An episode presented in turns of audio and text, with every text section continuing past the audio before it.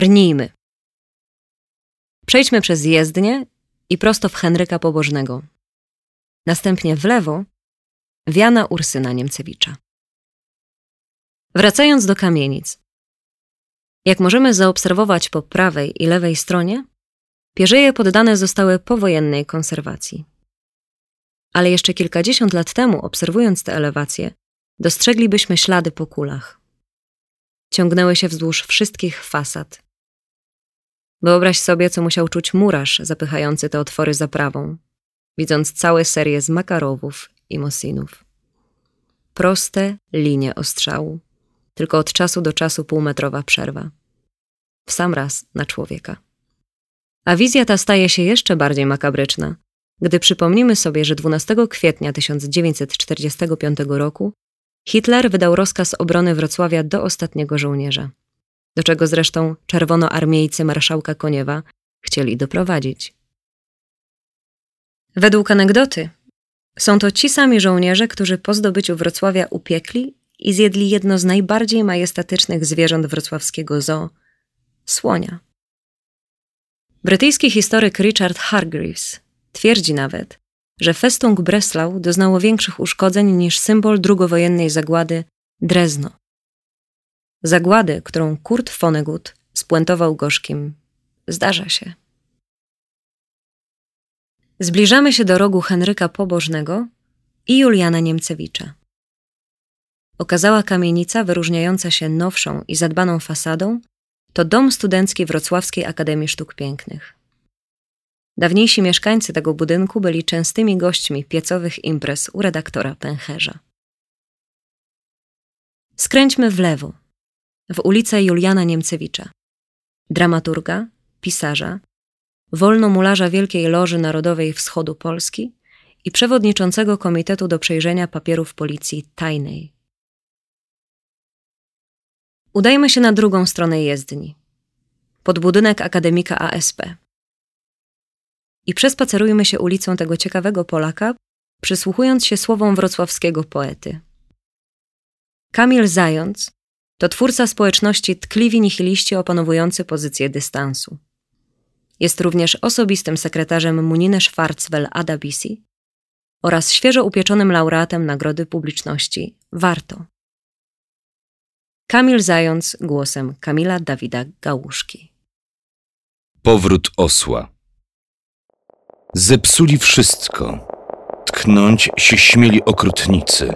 Liberum veto tej to wolności źrenicy jestem prawdziwie, milczę i wszystkiemu wierzę. Nie dosyć na tem, bo to zapewne nieszczerze. Trzeba wchodzić w uwagi, przyczyny, powody. Tym sposobem przyjdziemy do zupełnej zgody. Janie, co zaserwujesz dziś na śniadanie? Zacne towarzystwo i patriotyczne stronnictwo. Na Niemcewicza i na Ursynowie budzą się do życia senni synowie. Lepsza poranna erekcja czy insurekcja? Chłopie, co ma wisieć nie powstanie. Korpusy kadetów toczą nierówną walkę z kobietami, ich kosmicznymi macicami. Lepsza dziewica czy targowica? Polska walcząca to nie kotwica, to jest poemat heroikomiczny. Bądź pochwalony i romantyczny.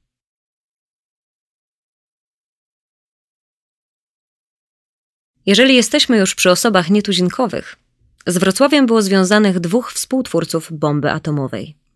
Max Born oraz Otto Stern, obaj studiujący na Uniwersytecie Wrocławskim, gdzie ich umysły przygotowywały się do zrozumienia trudnej sztuki rozszczepienia atomu.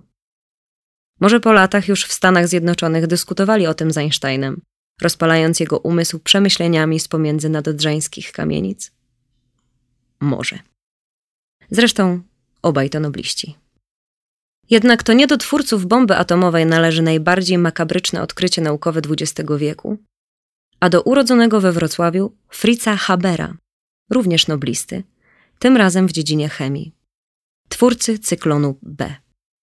W kontrze do przerażających wojennych historii, posłuchajmy teraz kilku słów weterana modernistycznych wojen o lepsze jutro, Kamila Zająca. Czyta Kamil Dawid Gałuszka. Żyć i dążyć. Zdążyć przed deszczem, zdążyć przed przesileniem, wejść w nowe, jasne, świeże, równo z początkiem jesieni. Nie być turystą we własnym mieście, nie karmić szczurów, nie patrzeć im prosto w oczy, wyjść na środek ringu bez przemocy.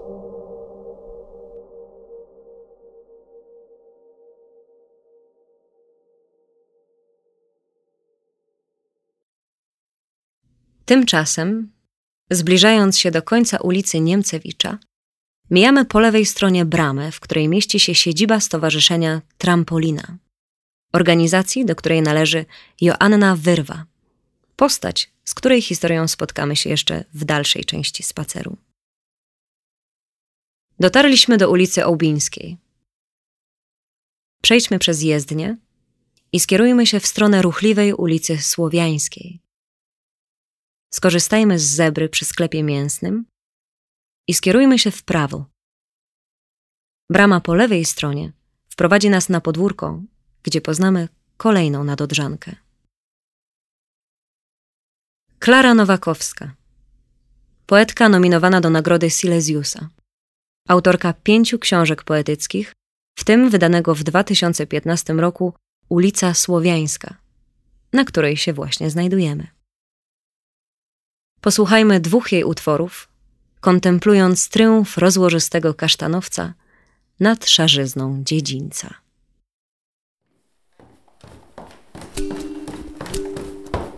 Schodami w górę. Czuć koty, których nie widać, czuć delicje, których nie będzie nam dane skosztować.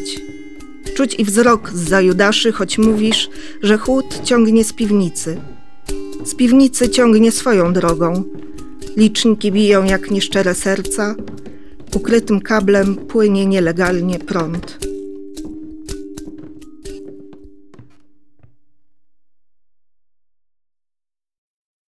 Widok z podwórza. Metale szlachetne, walutę rzeczową i inne dobra znaleźć można w cieniu między śmietnikami. Dzieci i pijacy ścigają się jak bezdomne koty do czarnego worka. Znudzone kobiety w oknach wskazują sobie bliskich skrętami.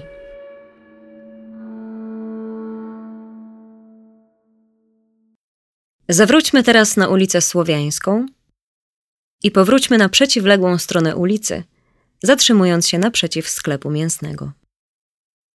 Przybytek ten również został unieśmiertelniony w jednym z utworów Klary Nowakowskiej.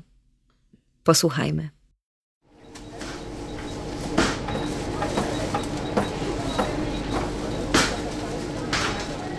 Mięsny. Najmilsza ze wszystkich jest pani od rzeźnika.